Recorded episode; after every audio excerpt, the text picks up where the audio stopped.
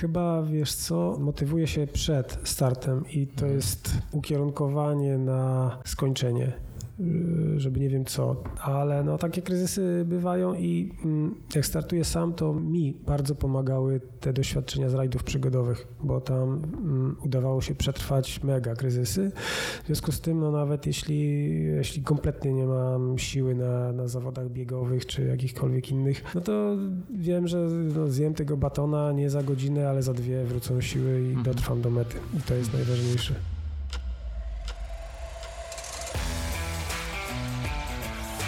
To był Artur Kurek. Ja się nazywam Kamil Dąbkowski i witam Was w podcaście Black Hat Ultra. Jest to podcast, w którym będę się spotykał z ludźmi związanymi z aktywnościami sportowymi typu ultra. Najbliższe memu sercu są długodystansowe biegi górskie oraz rajdy przygodowe i na tych dyscyplinach chciałbym się skupić. To, co chciałbym przekazać w tym podcaście, to jakimi ludźmi są ci sportowcy, jak trenują, jaką mają dietę, jak się regenerują, ale chyba najważniejsze dla mnie jest to, żeby dotrzeć do tego, co ich motywuje i jak radzą sobie mentalnie z treningami, kryzysami, sukcesami i porażkami. Dzisiaj o swojej pasji do rajdów przygodowych opowie Artur Kurek. Artur jest wyjątkowym człowiekiem w moim biegowym życiu. Jako trener przygotowywał mnie do biegu rzeźnika w 2014 roku, a gdy borykałem się z brakiem motywacji do biegania, jego wyczyny sportowe spowodowały, że znowu założyłem biegowe buty i zaatakowałem piekło Chantori. Artur niezmiennie zaskakuje swoją formą i świeżymi pomysłami na to, jak tę formę wykorzystać.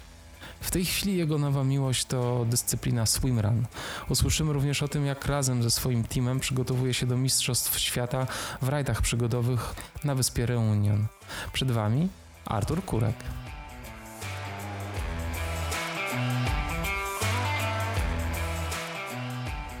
Sam jeździsz w ogóle na zawody, czy zabierasz rodzinę czasami? E, Bardzo bym chciał, ale udało mi się dwa razy zabrać e, do Zurichu. I czemu to E, się nie udaje? Wiesz co, y, y, wydaje mi się, że nudziłyby się, Mhm. bo z reguły te zawody są bardzo długie. A Ja bym bardzo chciał, tylko mm, nie jestem w stanie tam zagwarantować im mm, jakichś atrakcji, e, bo nie zawsze jest to też ciekawe, e, no bo siedziałyby gdzieś w jakimś domku i Mhm. czy w hotelu, czy, czy w pensjonacie. Nie zawsze jest pogoda i to, mm, trudno mi przewidzieć, a chciałbym, żeby miały z tego e, atrakcję. No wiem. Zurich był fajny, bo No. e, obie lubią jakby taką przestrzeń ciekawą, atrakcyjną, a, a, a, to w miastach jest jakieś zabytki, czy mm, e, sama infrastruktura. No okolice też przyrodę lubią, ale y, to nie wszystko, tak? Jakby gdzieś na wsi siedziały, kurde, w e, wetlinie i nie mogły wyjść, bo pada i jest glina, błoto, burza. To mogłoby słabo być. Aha, No. okej. Ale nie, jakoś nie angażują się w saportowanie ciebie, tak? Wiesz Nie- co, no saportowanie całym życiem się e, No tak, angażują, to więc e, Wybaczają ci po prostu dużo. e, myślę, że jakbym poprosił, to, to nie byłoby to kłopotem, ale i tak jest wiele wyrzeczeń w ciągu całego życia. No tak, absolutnie. No. Aż, trudno wyobrazić, bo uprawiasz przecież bardzo dużo dyscyplin, więc trenujesz e, i, biega, i bieganie, i kolarstwo, czy rower górski, i pływanie. No jest to czasochłonne wszystko. Właśnie. Bo e, w ogóle, bo ty jesteś, Artur, taką... Ty jesteś takim multidyscyplinarnym ultrasem, co nie? Troszkę. No lubię różnorodność i lubię długie, długie zawody. No właśnie, a y, y, co jest, y, co, co to dla ciebie znaczy ultra w ogóle? Czy to jest kwestia, kiedy się zaczyna ultra? Czy to jest kwestia dystansu, czy czasu spędzonego na zawodach? Czy to jest kwestia nastawienia? Jak byś to, jak to u ciebie Ja rezonuje? nie, nie kwalifikuję e, ultra, dlatego że bywały takie zawody, że my tydzień byliśmy w trasie Mhm. E, non-stop. I no trudno powiedzieć, że to ultra, skoro ultra może być 5-godzinne e, zawody albo 10-godzinne, e, różnego rodzaju formatu. Nie wiem, nie chciałem tego definiować, ktoś przyjął ultra, okej, wpisujemy się w to wszystko, natomiast ja siebie chyba nigdy nie określiłem ultrasem jako mm -hmm. takim. Okej. Okay. To jak byś siebie określił w takim razie? E, wiesz co, ja starałem się robić to, co ciekawe w życiu. E, teraz mi moja żona Edytka uświadomiła, że to, to było bardzo samolubne. No jest, tak, to prawda. No i Mm, no i zwiedzanie mhm. to mnie ciągnęło, żeby, żeby ta różnorodność była, a, a zawody na przykład Adventure Racing no, pozwalały zwiedzić e, prawie cały świat. Tym bardziej, że nie, nie byliśmy tylko e, przy lotnisku czy gdzieś przy mieście, ale naprawdę w takie dzikie rejony się zapuszczaliśmy, że, że może i ktoś tam nigdy nie szedł mhm. ścieżkami. Mhm. No, a długo, powiedz, jak wyjeżdżałeś na takie zawody Adventure Racing, to poza samymi zawodami dużo spędzałeś czasu właśnie na, na zwiedzaniu, jak, jak byłeś no, na wyjeździe? No niestety niewiele, to, to no. były, że dwa, trzy dni wcześniej, no tak. dwa, trzy dni później. E, bywało, że zostaliśmy na jeden dzień specjalnie po to, żeby hmm. pozwiedzać, ale z reguły to spieszyliśmy do domu. Okay. A powiedz, a czy jest jakaś dyscyplina, która jest ci najbliższa? Test, które... Bieganie. Bieganie, tak? Jest ci najbliższe. Tak. I raczej y, na trailu niż na asfalcie, prawda? Bo tak, chyba masz za sobą jeden maraton miejski. Wiesz co, ja nigdy nie biegłem maratonu. Hmm. Okay. Tyle, y, no tam po asfalcie, no to zdarzało się biec maraton, ale to podczas y, zawodów triatlonowych. Okej. Okay. A tak to nie. Okej, okay, czyli jesteś biegaczem, można powiedzieć, tak. który przy tak. okazji uprawia całą masę innych sportów, bo y, chyba twoją tak naprawdę ulubioną aktywnością jest właśnie branie udziału w rajdach przygodowych, tak? O, to jest, są korzenie chyba. No właśnie. No właśnie. Chociaż y, to jeszcze wrócimy do nich, bo chciałem porozmawiać chwilę o tym, jak zaczynałeś i chyba była to wspinaczka. Mm. Kiedy się w ogóle narodziła twoja miłość do sportu? Kiedy się ruszyłeś i zacząłeś coś robić? Czy to są... Y Wiesz co, kiedyś wujek zaprowadził mnie do klubu piłkarskiego i tam jako mały kurdupel kopałem tą piłkę w trampkach, jako trampkarz.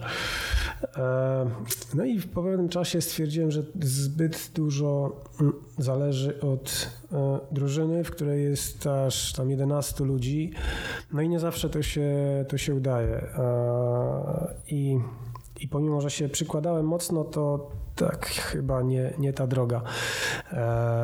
I jak się nadarzyła e, okazja spróbowania czegoś innego, to się zakochałem w snowboardzie, nartach. E, no i, i, góry jakby zawsze były, bo rodzice prowadzali mnie w góry jak byłem mały. E, nawet e, jak były te obozy sportowe, to się cieszyłem jak, one są w górach. E, a nawet e, bywało, że opuszczałem jakieś tam zgrupowania tych trampkarzy po to, żeby samemu pojechać gdzieś, gdzieś w góry. No i chyba te góry tak zostały e, w mojej, w mojej głowie i jak się, jak się już zbliżyłem do tych gór, zostając instruktorem narciarstwa, byłem instruktorem snowboardu, to potem się nadarzyła okazja pojechać w Tien Shan. No i tam dziewicze ściany zdobywaliśmy, zakochałem się tak w tych górach, że, że tylko, tylko temu się e, poświęcałem i zacząłem biegać, przygotowując się do, do wypraw takich górskich. Ile miałeś wtedy lat mniej więcej? Jak się... Wiesz co, pierwsza taka wyprawa to była, jak miałem 22 lata, e, no czyli okres studencki, można było sobie dużo czasu spędzić właśnie na wakacjach, więc tam trzy, razy, trzy lata z rzędu jeździliśmy do Kirgizji, no i tam dosyć ciekawie hmm. Było niebezpiecznie. Aha. A czemu było niebezpiecznie? Wiesz co, no bo tam nie ma takiej infrastruktury mm, ratowniczej głównie, więc tam mhm. tak naprawdę na, na siebie tylko możesz liczyć. Był czas, że spędziliśmy trzy tygodnie na lodowcu pod, pod górą e, Kirgiz. E, Kirgistan się nawet nazywała ta góra, trochę wyższa niż e, Mont Blanc. No i tak czekaliśmy, tam sobie pochodziliśmy po okolicach, powspinaliśmy się, klimatyzację zdobyliśmy, no i nową drogę poprowadziliśmy y, trzydniową, a na szczycie rano, bo nie wiem, baliśmy się zejść z tej góry, bo już się późno robiło, więc na samym szczycie rozbiliśmy namiot, a rano obudziło nas trzęsienie ziemi. No i duże prawdopodobieństwo, że to nas uratowało, że nic nam na głowę nie spadło, nie zasypało, bo idąc potem w dół, to, no to było takie mm, e, złomowisko skał, kamieni, lodu e, i, i no, dziękowaliśmy Bogu, że, że tam na szczycie tak się udało. No, mhm. trochę się udało. No, niesamowite. I, i potem dalej się wspinałeś, tak? W innych górach? Tak, no z grupą przyjaciół jeździliśmy. Mm, jeździliśmy, byliśmy w Indiach, Himalajach, byliśmy w Peru, mm, no i w Alpach oczywiście. Mhm. A zawsze do tego przygotowałem się, się biegając głównie. No. Gdzieś tam po okolicy mhm. mojego Żerdowa rodzinnego. I, no i to zostało. Potem, e, potem urodziła się córka Zosia i stwierdziłem, że zbyt niebezpieczna jest e, mhm. taka, e, taka aktywność górska.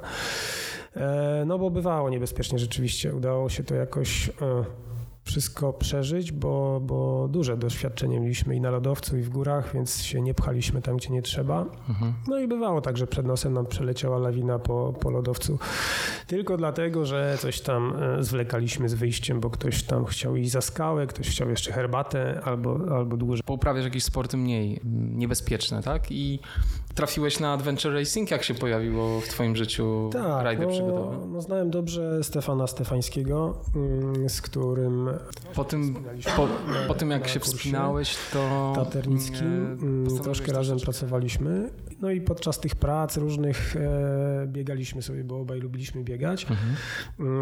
No i wystartowaliśmy w jakimś takim pierwszym rajdzie Adventure w Polsce. To było głównie bieganie przez dwa dni.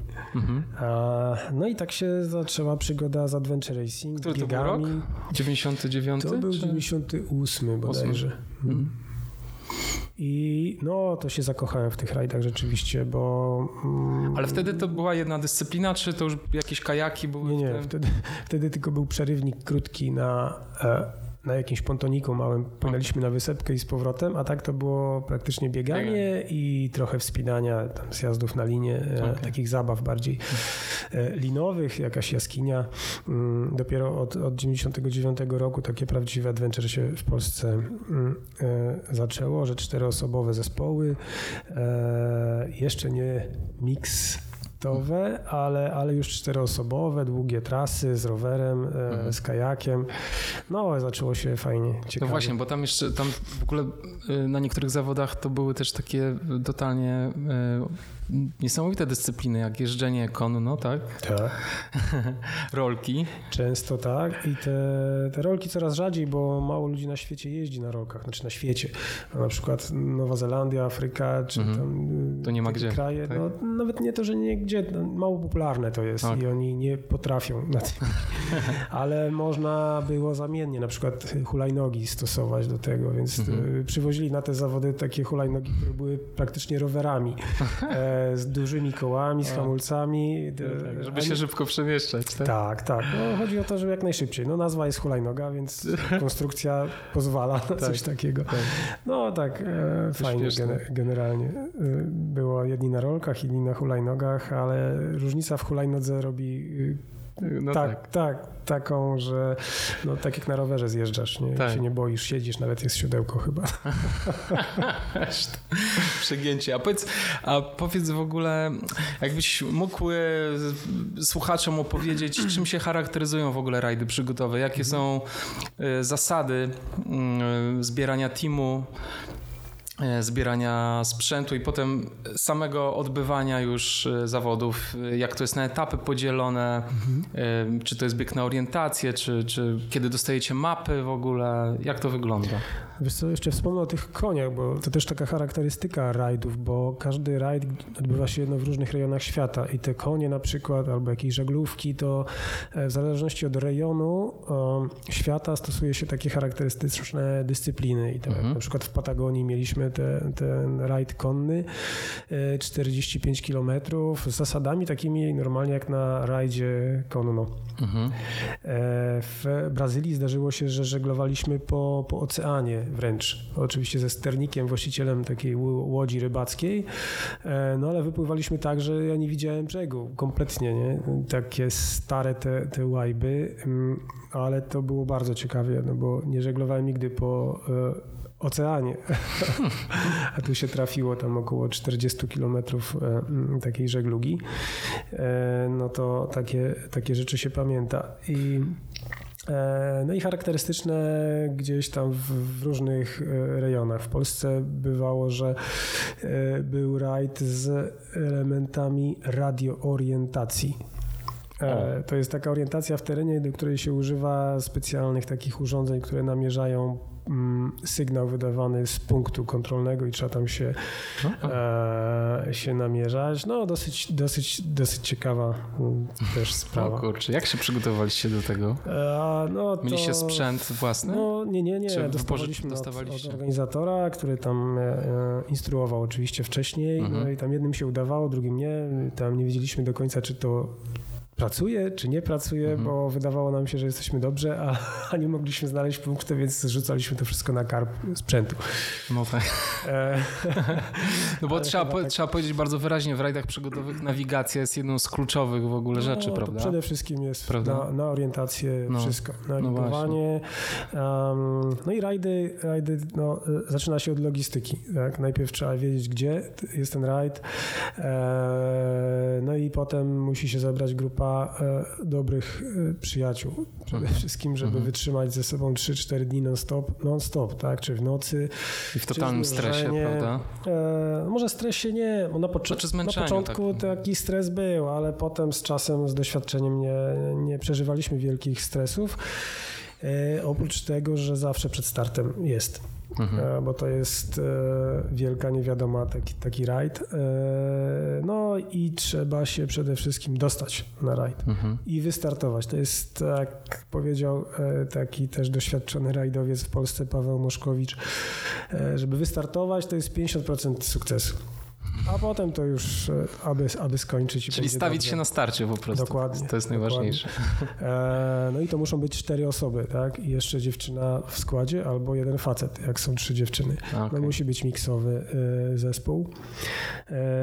no przed startem wiadomo, jakie będą dyscypliny, jakie jest obowiązkowe wyposażenie, to wszystko trzeba się do tego przygotować i mieć. To, to Właśnie to jest nie... chyba jakaś ogromna ilość szpeju, prawda? Którą wy musicie to może zabrać. nie zawsze, ale trochę, trochę tego jest rzeczywiście, bo to i sprzęt wspinaczkowy, i, mm, i apteczka, i dodatkowe wyposażenie jakieś e, takie, takie w razie wypadku. Mm, czasem jest to telefon satelitarny, który musimy nosić, jakieś te.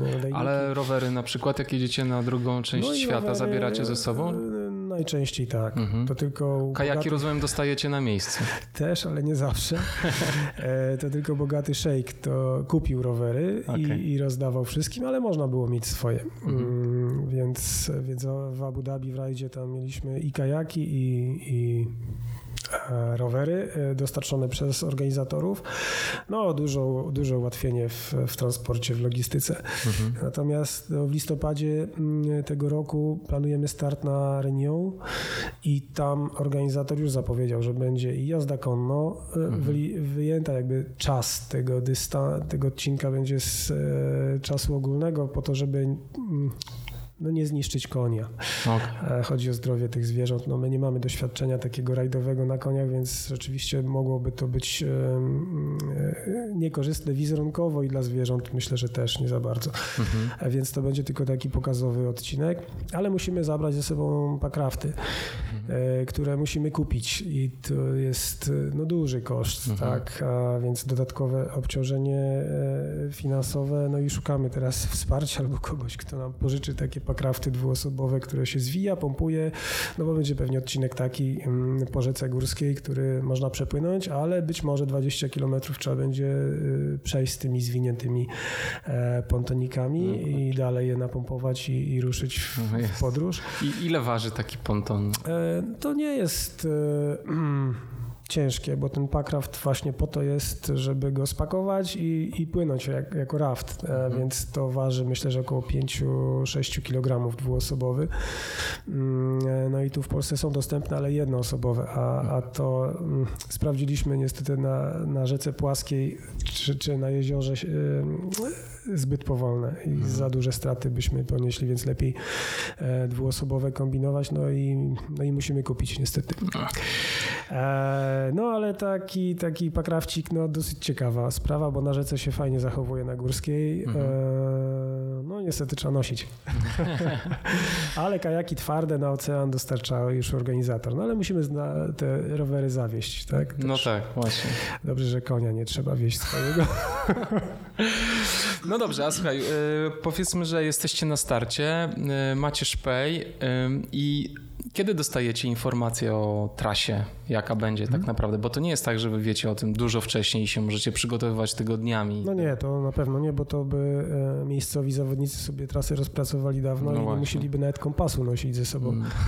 E, natomiast e, standardowo to jest tak, że nie wiem, 5, 6 godzin, czasem 10 godzin, 12 przed startem e, otrzymujemy mapy mhm. i roadbook, e, gdzie są koordynaty punktów kontrolnych i cały opis trasy. I musimy to nanieść na mapę, wpisać, zaznaczyć sobie i samemu wybrać trasę mhm. E, według roadbooka, bo czasem są zakazane przejścia albo drogi, o których organizator wie, że mogą być niebezpieczne, czy przejścia przez rzekę niebezpieczne i tam nie wolno i tylko mostem albo, albo tylko jakimiś mhm. innymi E, drogami czy ścieżkami się poruszać, a, a nie głównymi autostradami na przykład, bo to najprościej by było no tak. wybrać. A bywa tak, że dostajemy mapy tuż przed startem. Pięć mhm. minut przed startem dostajemy mapy i no i trzeba Jej. się ogarnąć. Wiemy, że to będzie odcinek rowerowy i tyle. Mhm. E, natomiast mapę dostajemy tuż przed startem i po prostu... I co, e, czy, czy jest tak czasami, że jest odpalana rakieta na starcie, a wy jeszcze tam siedzicie w tych mapach i no tak, myślę, tak? że czasem nawet lepiej sobie 5 minut Dobrze się zastanowić, tak? Mhm. A, i, i, i, poczekać. Bywa tak, że, że ten pierwszy odcinek jest tak zwanym skorelaufem, czyli jest dowolna ilość za, dowolna kolejność zaliczania punktów na tym odcinku. Więc na starcie się wszyscy rozbiegają w cztery strony świata, róża wiatrów i nie wiadomo kto jak co, e, ale na takich dużych rajdach z reguły to, to jest start e, masowy. Mhm. Na Renią coś takiego organizatorzy przygotowali, że będzie mm, e, w prologu uczestniczyło dziecko miejscowe z zespołem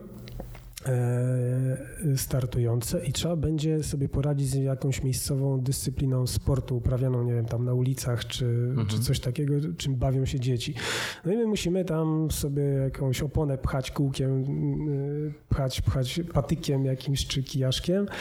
E, no i to, to taka trochę zabawa, trochę, trochę fajny ukłon w kierunku tej miejscowej ludności. No jednocześnie od razu na starcie będzie powiedzmy tam minuta, dwie różne różnicy na, e, przy, przy, każdym zespole na, na, na trasie. No. No to zapowiada się niesamowita impreza. Ona jedzie, to są Mistrzostwa Świata, prawda? I to Mistrzostwa Świata, tak. Gdzieś w połowie listopada będę, mm, będzie? No start jest 6-7 listopada. 6-7. I ile dni potrwa? Hmm. Nie pamiętam dokładnie, ale około 90-100 godzin jest mhm. dla najlepszego zespołu.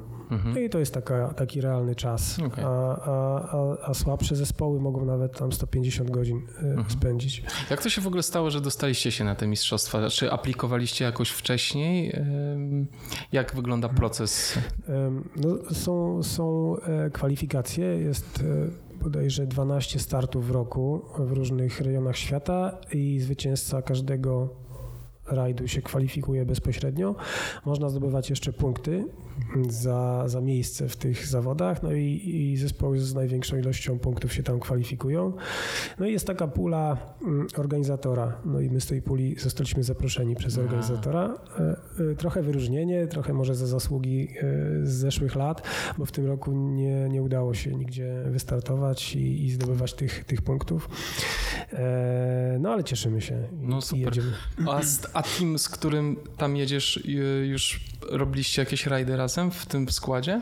E, w tym składzie pełnym nie, natomiast e, no, startowaliśmy razem, znamy się mm, raczej dobrze, e, więc no, nie powinno być niespodzianek. Każdy wie, czego od siebie i od innych może oczekiwać. Mhm. Zespół się nazywa Adventure Trophy Team Poland i, i w składzie jest Justyna Frączek, Maciej Mierzwa, Maciej Marcjanek i Artur Kurek.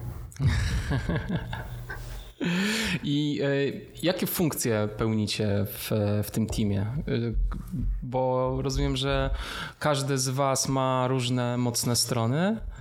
E, I czy jest tak na przykład, że jedna osoba jest wyznaczona na nawigatora całej trasy, czy te funkcje przechodzą z etapu no, muszą na etap? przechodzić, bo mm, po kilku godzinach już jest mózg trochę zmęczony. Po, po kilku dniach to, to bywa, że w ogóle się y, wyłącza czasem ten mózg i, i dobrze zmienić albo kontrolować tego nawigatora, ale zawsze ktoś jest najlepszy w zespole, kto, kto nawiguje. Mhm. E, ktoś jest dobrym rowerzystą, więc y, też, też jakby ogarnia sprzętowo te sprawy i e, no i prowadzi tę, tą drużynę jakby najlepszymi mhm. ścieżkami, wariantami. E, ktoś jest dobrym biegaczem, więc też pomaga, najwięcej wiem, nosi tego e, sprzętu, być może pomaga słabszemu członkowi zespołu na, na sznurku, czy tam mhm. w jakikolwiek sposób, bo bywa i tak, że no, ogarnie czasem niemoc, a trzeba iść. Mhm. Najważniejsze to się nie zatrzymywać, tylko posuwać się do przodu, żeby tej, tej drogi ubywało, bo i tak ją trzeba przebyć i tak. No. E, a im szybciej, tym, tym lepiej. No Mniej tak. się człowiek zmęczy po prostu. A powiedz mi, mm, jakie, jak sobie z kryzysami radzicie w takim w zespole? Bo e, w pojedynkę to jeszcze jestem sobie w stanie wyobrazić trochę, hmm. ale, ale w zespole to musi być ciężkie, bo chyba każdy to przeżywa na swój sposób. Każdy ten kryzys ma w innym momencie. I to chyba musi być trudne maga, nie? Mm, tak, no najlepiej jakby wszyscy mieli w tym samym momencie kryzys. No właśnie, nie, to jest taki Wtedy prosty. łatwiej zrozumieć e, tak. wszystko, wszystkich e, wokół. Natomiast najczęściej no po to jest ten zespół, żeby, żeby się zmobilizować i e, na przykład w przypadku naszego zespołu to tak jak obserwuję no, subiektywnie ale widzę e, takie wsparcie dla najsłabszego, który, który stara się poruszać jednak szybciej niż by mógł. I to jest jakby siła, e, być może nasza siła, że się poruszamy szybciej niż najsłabszy członek zespołu, mhm. a nie dostosowujemy się do tego najsłabszego właśnie poprzez mobilizację, jakąkolwiek pomoc, odciążenie i on by sobie rzeczywiście sam idąc dużo wolniej szedł, e, nie mając już siły albo mając jakiś kryzys, natomiast zespół go tak zmobilizuje, że on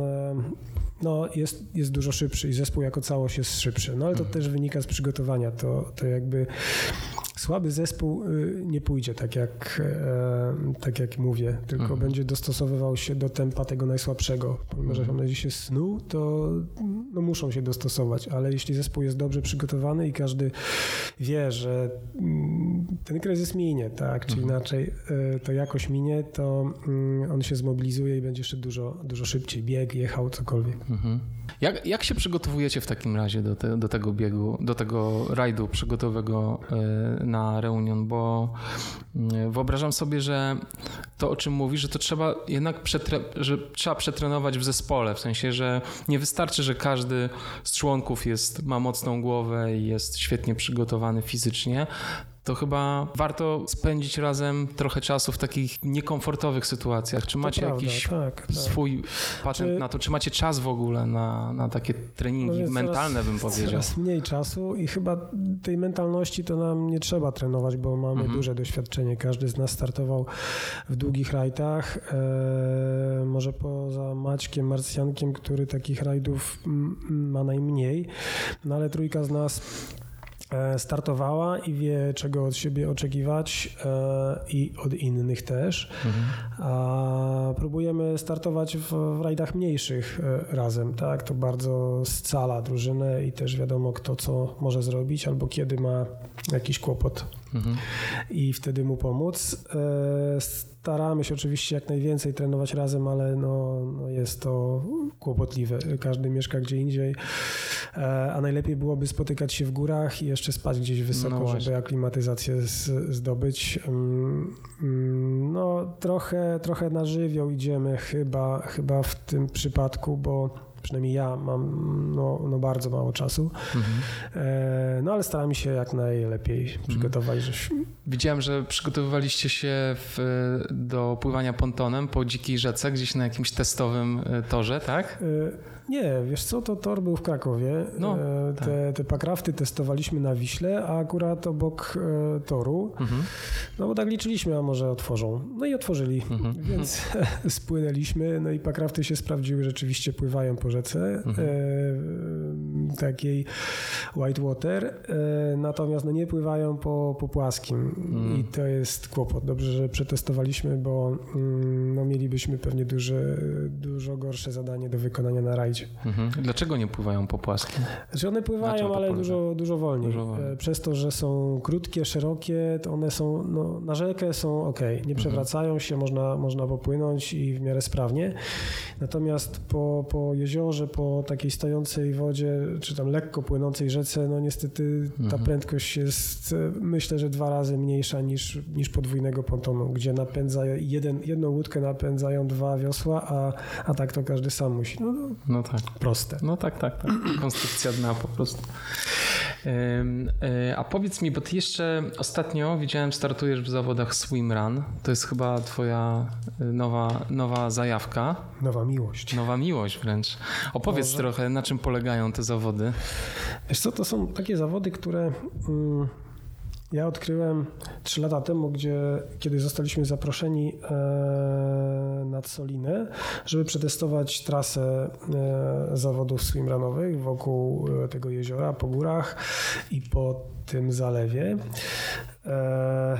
I pierwszy raz wchodząc do wody w butach, mając w perspektywie przepłynięcia jakiegoś odcinka, no to stwierdziłem, no to pięknie, wolność. Po prostu na Mazury mogę pójść, mając ze sobą tylko jakąś bojkę asekuracyjną i popłynąć Mhm. na drugi brzeg albo na wyspę, e, przejść tą wyspę w poprzek i na drugi zupełnie, zupełnie inny ląd A to są jakieś specjalne buty, rozumiem, w których A- możesz i płynąć i biec? Czy... Nie, Nie. biegowe, zwykłe. Zwykłe. No, coraz bardziej specjalistyczny sprzęt jest pod swimrun e, produkowany, no bo bardzo duża popularność przez tą właśnie wolność, jakby małą ilość tego sprzętu, e, może nie małą, bo, bo jest tego coraz no więcej e, to- takich to gadżetów, to- to ale, ale nie jeszcze? trzeba tego po Okej. prostu. Nie? E, Wystarczy, że będziesz miał kąpielówki, okularki i bojkę asekuracyjną i, i buty. I, to, I możesz sobie płynąć po prostu gdzie chcesz. No tak.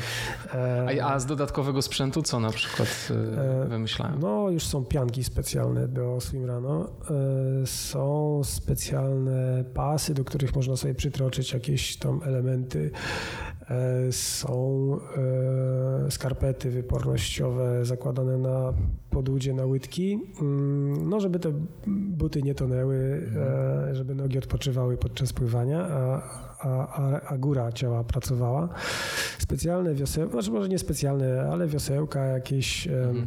zmodyfikowane e, mm, bojki takie wypornościowe zakładane między uda, e, które są przytraczane do gdzieś, gdzieś, gdzieś elementów, żeby nie zgubić i Mhm. nieść je na biegu. Mm, No już są produkowane specjalne buty, któ- które no, troszkę mogą wspomagać. Pewnie tam mają jakieś, jakieś pianki wypornościowe i i dobry bieżnik. Mhm. To jest ważne. No i ważne, żeby też, żeby tam kamyczki nie wpadały, no bo to e, z reguły trailowe biegi są. No tak. E, no dużo, dużo pewnie, o którym nie wiem, sprzętu, e, ale to takie podstawowe, co, Mhm. co jest osiągalne. Czyli pociąga cię w tym wolność po prostu, którą Tak, masz w poruszaniu się po, takim, Mhm. po takiej przestrzeni wodno. Niczym nieograniczone. Chociaż no oczywiście zawody e, swimrun no, odbywają się po wyznaczonej trasie, czyli Mhm. Z konkretnego punktu na konkretny punkt i nie można nigdzie indziej mm, Mhm. płynąć. E, Czy ta trasa jest dobrze oznakowana? Y, Najczęściej tak. No, w Polsce, tak jak wiesz, pewnie, y, bo podczas biegów y, gdzieś w terenie trailowych, no bywa, że ktoś zdejmie oznaczenia trasy. Tak. E, Albo przełoży. Tak. No, ostatnio y, w dwóch zawodach w Polsce startowałem i, i była trasa super oznakowana, nie było problemów, żeby, mm, żeby trafić za, e, za kierunkiem e, tej trasy. Mm, no i tak zastanawiałem się nawet, jakby to było, gdyby to jeszcze na orientację się odbywało. No i to byłby pomór chyba, masakra. No w wodzie pewnie byłby kłopot, bo to trzeba jednak wyznaczyć i płynąć e, na określony kierunek, który widać. Mhm. Natomiast no ciekawie by było jakby wyjść z wody i, i tak. na orientację. Na orientację, wyjąć kompas. Tak. No. E, no i jeszcze większa wolność by wtedy była, bo wtedy masz dowolność wyboru trasy do kolejnego punktu. Tak, jeszcze więcej DNF-ów by było no. wtedy. A w Polsce jak się rozwija ta dyscyplina teraz swimrun? No chyba, y, chyba szybciej niż triatlon. Naprawdę? No bo y, z tego co organizatorzy zawodów nad Soliną mówili, że tam już 500 osób wystartowało. O, I to były to, roz... trzeci rok y, w Polsce tych zawodów. Rozumiem, że to y, grupy triatlonowe głównie migrują w stronę swimrunu trochę, tak? Czy jak to, jak to widzisz? Chyba nie. Y, znaczy dużo triatlonistów w to wchodzi, ale e, a może masz rację. Tak nie zwróciłem uwagi. No łatwiej jest triatlonistom, bo, jest, tak. bo i pływają w otwartej wodzie i biegają, a może tak, może szukają czegoś nowego, no żeby tak. nie trzeba było chwalić się rowerem na szosie i, i czystymi skarpetkami. Jedna różowa, druga żółta. Czyli na razie nie ma jeszcze takiego zadęcia w tym swimrunie, tak? Jest w miarę taki nie. dziewiczy. Tak, sport. no i jak zwykle, tak, jak, jak to są początki, to, to super atmosfera tak. i każdy siebie wspiera. No, Pięknie. No ja słyszałem o takich y, chyba mistrzostwach świata w Otilo, tak? tak? E, to jest takie miejsce e, i specjalne zawody, gdzie się bardzo chyba trudno dostać. Mhm. Te zawody odbyły się dwa tygodnie temu mhm. Mm, i były trzy zespoły z Polski. Mhm. Pierwszy raz wystartowały w, Jakim tych, poszło? tych zawodach. No wszystkie skończyły, więc okay. super sukces. E, mm, jeden mixed był mm, i Marek Szymczak, Zasią Garlewicz, zresztą z triatlonu, -hmm. I, a Asia nawet z rajdów przygodowych. -hmm. e, I no nie wygrali, no bo dużo doświadczenia tam trzeba. E, Szwedzi, Szwedzi to już od wielu lat uprawiają i są no, znacznie szybsi. Mhm. Chyba przez to doświadczenie wiedzą jak się przygotować i wiedzą jak startować. To, to jest bardzo ważne. No i trenują na tej trasie, prawda? No tak, mają tam takie warunki. Tak. E, dla nas jest to trochę, trochę, trochę bardziej kłopotliwe, bo nie wiemy jak się na skalę zachować przy wejściu do morza, przy wyjściu z morza, a tam jest praktycznie cały czas taki teren. Mhm. No i bardzo długa trasa, bo tam bodajże 75 km, mhm. w sumie 10 km pływania i to, i to w morzu. Mhm. No to sporo. Bywa, że z falą albo pod falę. Ja, e, I, I bieg trailowy e, z reguły po jakichś chaszczach, po skałach, po takich wąskich ścieżkach, ale przez to ciekawie. No tak, na pewno. Chciałbym Cię zapytać jeszcze trochę e, o, o hardą, bo to są chyba niesamowite też zawody w, w Polsce, które się odbywają. Tam jest 4,5 kilometra e, pływania, 225 ro, roweru i, 70, i 50 55 przez Tatry. 55 przez Tatry. Mhm. W sumie jest chyba 8 tysięcy przewyższenia na całej trasie. E, I ty miałeś okazję wygrać te zawody w zeszłym roku tak? W 2017. Tak. Ja, ja, pamiętam, byłem wtedy w Zakopanem i siedzieliśmy z kolegą na krupówkach i przechodziło takich dwóch zniszczonych panów, i którzy właśnie byliśmy w ogóle ubrani na sportowo i, i oni do nas pomachali i, i powiedzieli, no, że harda, że harda. I ja potem sprawdziłem e, w internecie i patrzę, że wygrałeś i sobie myślę, wow, trzeba coś ze sobą zrobić w końcu.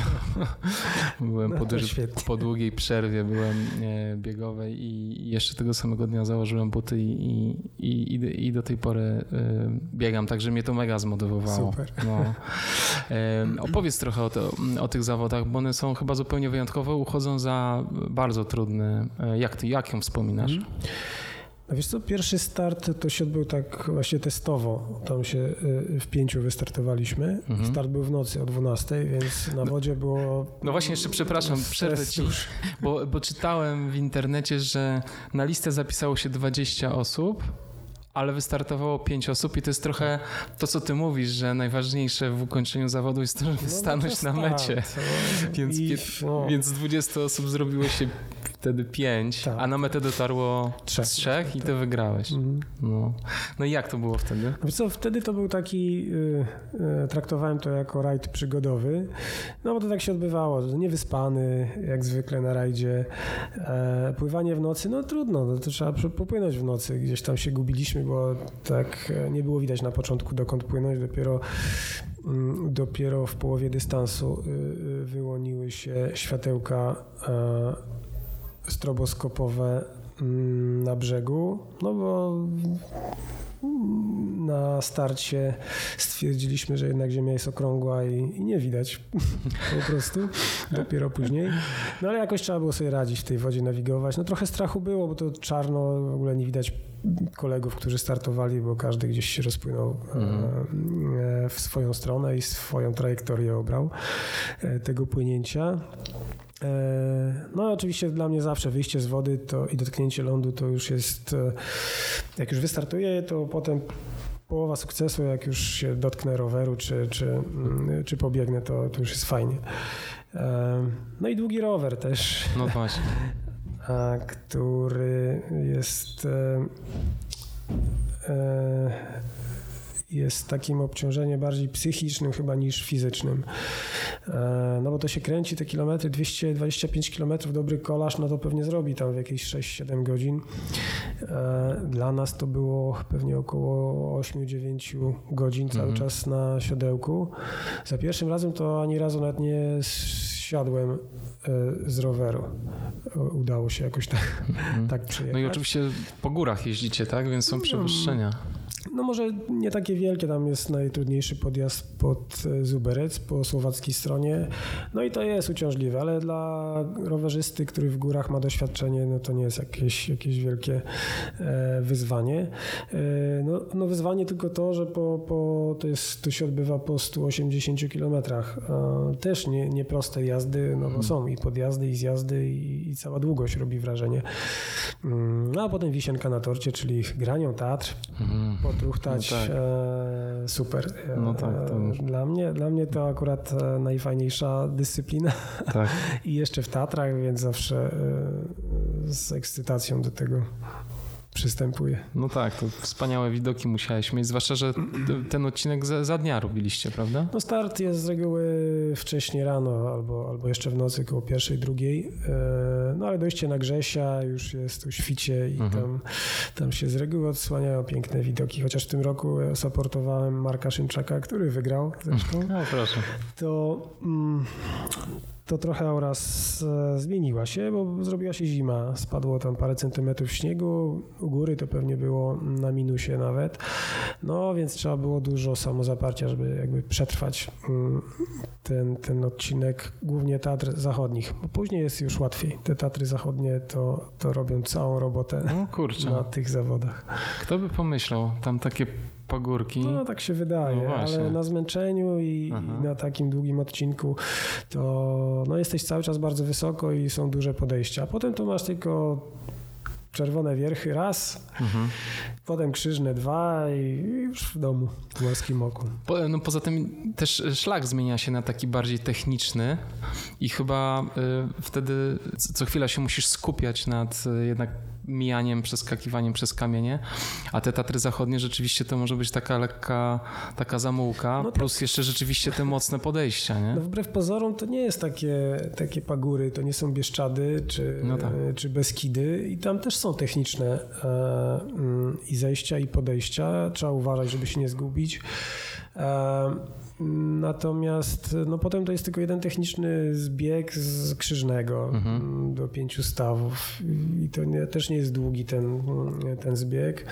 E, no bo z Kasprowego to jest ceprostrada niemalże, no tak. schodki i wygoda i szeroko. Mm, no i, i te Tatry Zachodnie to taki niedoceniany chyba odcinek, który tak naprawdę decyduje o wszystkim, bo Mhm. się tam, tam chyba się albo wygrywa, albo przegrywa. Jeśli Mhm. za mocno się tam pójdzie, to potem się zapłaci, a jeśli się odpuści, no to może być duża strata, więc to trzeba bardzo dobrze taktycznie Mhm. rozegrać. Artura, powiedz mi y, mm, jakieś wspomnienia z jakieś super przygody z rajdów przygodowych, które przeżyłeś do tej pory? Jakieś takie niesamowite sytuacje? E, Coś ci utkwiło w pamięci, tak? No wiesz co, y, mm, w Polsce e, był taki jeden rajd, który e, wygraliśmy i na mecie czekała na mnie żona z córką. No to się bardzo wzruszyłem. Mhm. Może nie okazałem tego, ale pamiętam do dziś. E, Nowa Zelandia, bo tam zawsze marzyłem, żeby być. I ta dzikość tej Nowej Zelandii, no, przewróciła mi, mi świat i, i chciałbym tam jeszcze pojechać. Mhm. E, Brazylia, która, która się okazała tak dzika i, e, i piękna, a jednocześnie taka, e, może nie było dużych gór, ale, ale no wyjątkowo tam ciężki był, Mhm. był rajd. Przez upał, przez właśnie jakąś pustynię, e, jakiś burz. I, no i sam kraj, nie? Tak nie spodziewałem się y, y, tego, chociaż, chociaż czytałem o tej Brazylii i, i dzikości, to mm, to, co doświadczyliśmy, to rzeczywiście było bardzo dzikie. E, No i pustynia e, Abu Dhabi, y, gdzie trzy razy startowałem w rajdzie przygodowym, to, mm, to pozwoliła mi tak spojrzeć na tą pustynię, bo bywało, że były noclegi takie przymusowe i musieliśmy gdzieś tam obozować. E, Mieliśmy swoje namioty, ale miasteczko było przygotowane przez szejka, także tam był i prąd, i jedzenie, i spanie, picie, wszystko. Ale sobie chętnie szedłem za wydmę i tam e, tam chyba pierwszy raz coś takiego jak medytacja. E, e, Nie wiedziałem jeszcze wtedy, co to jest, ale tak sobie posiedziałem, popatrzyłem w gwiazdy gdzieś w dal, nie słyszałem tego huku. No i tak nawet chyba nie myślałem o niczym Mm. zbytnio. To pięknie. E, To zrobiła na mnie ta pustynia wrażenie i podczas rajdu i właśnie taka możliwość e, udania się za wydmę i już jesteś sam e, ze światem tylko Tak. I to niebo niesamowite, prawda? Tak. Rozjeżdżone. na wyciągnięcie ręki. Tak. I bez świateł, więc widzisz to wszystko Tak. niesamowicie. Tak, to jest total. A powiedz teraz przed tymi zawodami, na- przed Mistrzostwami Świata, jak trenujesz? Bo zostało ci półtora miesiąca. Yy, Masz kupę roboty na głowie, weekendami pewnie gdzieś wyjeżdżasz i, i, i robisz ciekawe rzeczy, a tak w tygodniu jak, jak starasz się trenować? Jak sobie rozpisujesz Wiesz plan? co, już nawet nie, nie rozpisuję, bo mi zaskakuje e, każdy dzień, więc Aha. e, wykorzystuję każdą chwilę, żeby Okej. sobie pobiegać. E, może na rower trochę wyskoczyć i weekend jakiś kajak, żeby za widoku mm, Mhm. to ogarnąć i to są podstawowe dyscypliny, które, które robimy. Mhm. Okej, kajak po Wiśle, czy... Wiesz co, mam taki zalew pod Żyardowem, Okej. więc to w kółko się kręcę, aby tylko Aha. trochę pomachać. A. E, Ale tak, z doświadczenia wiem, że na kajaku nie ma problemu. No trochę trzeba wypływać, e, bo to, bo to technika, tak jak w pływaniu w wodzie, wpław, e, tak samo w kajaku jest to najważniejsze. Mhm. No, ma, macie pewnie wszyscy bardzo mocną bazę zbudowaną, bo braliście udział w różnych imprezach i mnóstwo sportów uprawiacie, więc pewnie nie, nie, nie, nie potrzebujecie jakoś od zera ćwiczyć pewnych rzeczy. Mm, No troszkę instynktownie też, No też do tego podchodzimy. To co tam najsłabsze, to, no, to, to wspieramy. A jeśli chodzi o te konie, e, przygotowujecie się jakoś do jazdy konnej, która tam będzie? E, No dlatego, że to nie będzie odcinek na, licz, wliczany do, do czasu rajdu, to, to tak traktujemy to Nie bardzo. troszkę... Po macoszemu. Troszkę po macoszemu, troszkę jako atrakcję. E, Każdy z nas siedział tam na tym koniu kiedyś. Mhm. Ja też się przygotowując do, do rajdu w Patagonii, no to się uczyłem specjalnie i tam co tydzień do stadniny biegałem, żeby mm, pojeździć godzinę, żeby mnie instruktor nauczył, żeby, żeby nie spać z, z tego konia, więc tam Mhm. mm, e, udawało się utrzymać na, na koniu, a tutaj mam nadzieję, że jakoś prze, przejdziemy ten odcinek Mhm. e, e, bezkolizyjnie. A powiedz, jak, e, jak ty na przykład jesteś na imprezach, gdzie startujesz sam i przytrafiają ci się jakieś kryzysy, to w jaki sposób ty motywujesz się do dalszej, do dalszej, do dalszego biegu albo wpłynięcia albo cokolwiek robisz w, w danym momencie? Czy masz jakieś specjalne techniki? na, na mm, pokonywanie chyba, kryzysów? Chyba wiesz co, e, e, motywuje się przed startem i to mhm. jest takie ukierunkowanie na skończenie, e, żeby nie wiem co. Mhm. E, oczywiście bywało, że nie skończyłem jakichś zawodów, no ale to było podyktowane jakąś kontuzją zupełną. E, więc to normalne, lepiej zejść niż e, stracić zupełnie zdrowie. Jasne. E, ale no takie kryzysy bywają i mm, jak startuję sam, to mnie mi bardzo pomagały te doświadczenia z rajdów przygodowych, bo tam mm, udawało się przetrwać mega kryzysy. W związku z tym, no nawet jeśli, jeśli kompletnie nie mam siły na, na zawodach biegowych czy jakichkolwiek innych, no to wiem, że no, zjem tego batona nie za godzinę, ale za dwie wrócą siły i mhm. dotrwam do mety. I to jest mhm. najważniejsze. Mhm. W związku z tym dla ciebie wbieganie na metę jest jakimś takim magicznym momentem? Lubisz, lubisz tę chwilę? No zawsze, bo e, z reguły jak startuję, to, to się ścigam i, i to Aha. nie jest takie y, tuptanie, tylko rzeczywiście wyścig i, i, dużo wysiłku wkładam w to. Czasem się udaje, czasem nie. E, e, osiągnąć ten założony cel. Natomiast no, z reguły to jest duży wysiłek, więc jak się cieszę, że już nie mhm. muszę. No tak. A ścigasz się zazwyczaj ze sobą, z jakimś czasem, który sobie mm, postawiłeś, czy ścigasz się rzeczywiście z nie, innymi czas, uczestnikami? Czas to nie ma nigdy nie miał dla mnie znaczenia. Mhm. Raczej, raczej rywalizacja między uczestnikami. No proszę.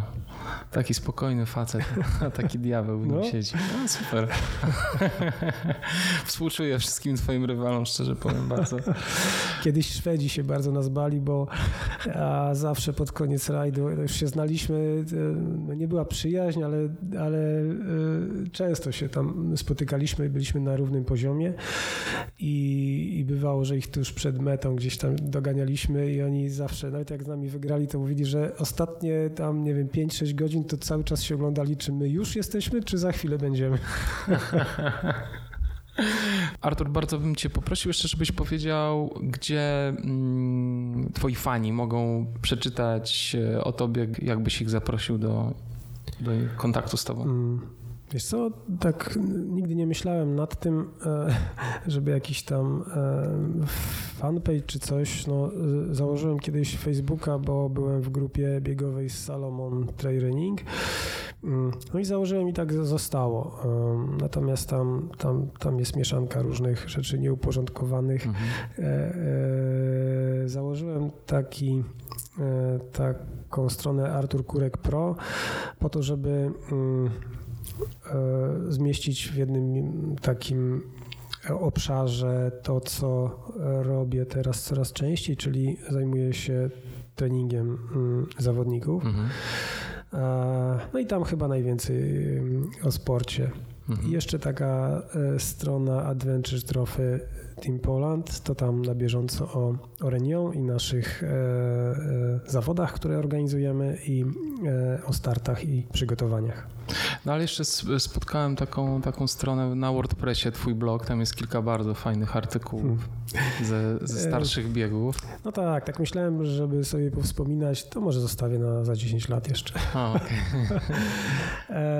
Bo chciałem tak sobie zebrać e, myśli e, z mm, właściwie całego życia sportowego i rzeczywiście dużo tego było, ale he, trochę cza, e, czasu do tego um, i takiego spokoju a ostatnio takie rozedrgane e, życie moje e, i, e, i ciężko mi się zebrać do tego bloga i chyba nie mam pomysłu jeszcze, mhm. co tam miałoby być, więc na razie jest zawieszony. Mhm.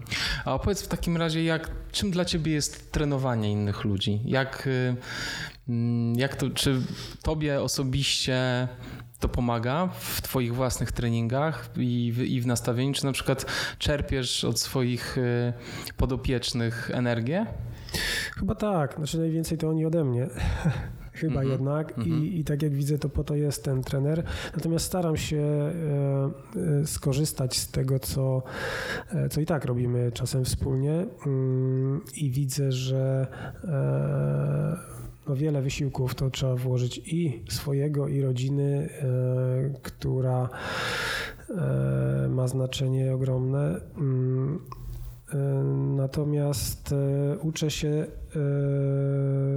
różnego podejścia do sportu, bo niektórzy chcą się ścigać, niektórzy chcą po prostu tam być, a niektórzy mhm. chcą tylko trenować i czasem może wystartować, żeby mieć frajdę, ale w ogóle się nie chcą ścigać. Mhm. A czy ci, którzy nie chcą się ścigać, trenują mocno, czy właśnie no, tak? Mają troszkę mniejsze obciążenia oczywiście. Mhm. E, u mnie taką główną zasadą jest, e, żeby być zdrowym, tak, żeby nie doznać kontuzji, czyli nie chcę zbyt dużych obciążeń nakładać na zawodników, no bo na to przyjdzie zawsze czas, mhm. E, jak już będzie odpowiednia baza. Mm, no i oczywiście można bardzo szybko osiągnąć jakiś tam wynik, ale to może być krótkotrwała współpraca, a, a nie chcę, żeby to decydowało o jakby zakończeniu współpracy, tylko jakby inne. No tak, czynniki. Tak, łatwo jest się przepracować trochę w tym treningu, prawda? Więc tutaj umiejętne prowadzenie ludzi jest, jest absolutnie kluczowe. No i staram się podejść indywidualnie, co jest bardzo czasochłonne. Bywa, że jest uciążliwe, no ale lubię chyba to. Mhm. Tak widzę, że to mi sprawia przyjemność, więc staram się podejść indywidualnie. E, to nie jest hurtowe. No tak. Ctrl C, Ctrl V. E, no i chyba ta, tędy mhm. tędy droga. A czy, bo rozumiem, że rozpisujesz plany treningowe drogą elektroniczną, ale czy prowadzisz też jakieś grupy biegowe albo obozy? Wiesz co, planowałem, mm, myślę nawet nad obozem, e, żeby zorganizować. E, e, pewnie w przyszłym roku. E, bo tutaj no, zajęcia do tego reniu nie, nie pozwolą no tak. się, się dobrze przygotować. Prowadzę w Żyrardowie taką otwartą grupę biegową, gdzie każdy ma, ma dostęp, więc tam się spotykamy i, i widzę, że chętnie przychodzą. Mhm. I moi zawodnicy, i, i, ludzie z zewnątrz, więc jest super i atmosfera, i, i fajne zajęcia. A, to super. Dobrze, no Artur, życzę totalnie powodzenia na Mistrzostwach Świata. Dziękuję. E, Trzymajcie kciuki będziemy, mocno, bo to no, wsparcie to czuć, energię. Będziemy trzymać, trzymać kciuki i jak tylko wystartujecie, to ja też wrzucę na, na Facebooka, gdzie można śledzić was e, i, i pchać tę kropkę z wami, z, z, super, z, waszego GPS-a do przodu. Więc e, dziękuję ci strasznie za rozmowę i powodzenia. Fajnie. Zaczęliśmy, nawet nie wiedziałem kiedy i, no i już kończymy. Super, no. Też ci pięknie dziękuję, Kamil. Dziękuję, Artur. No. Trzymaj się. Pozdrawiam. Hej. Hej.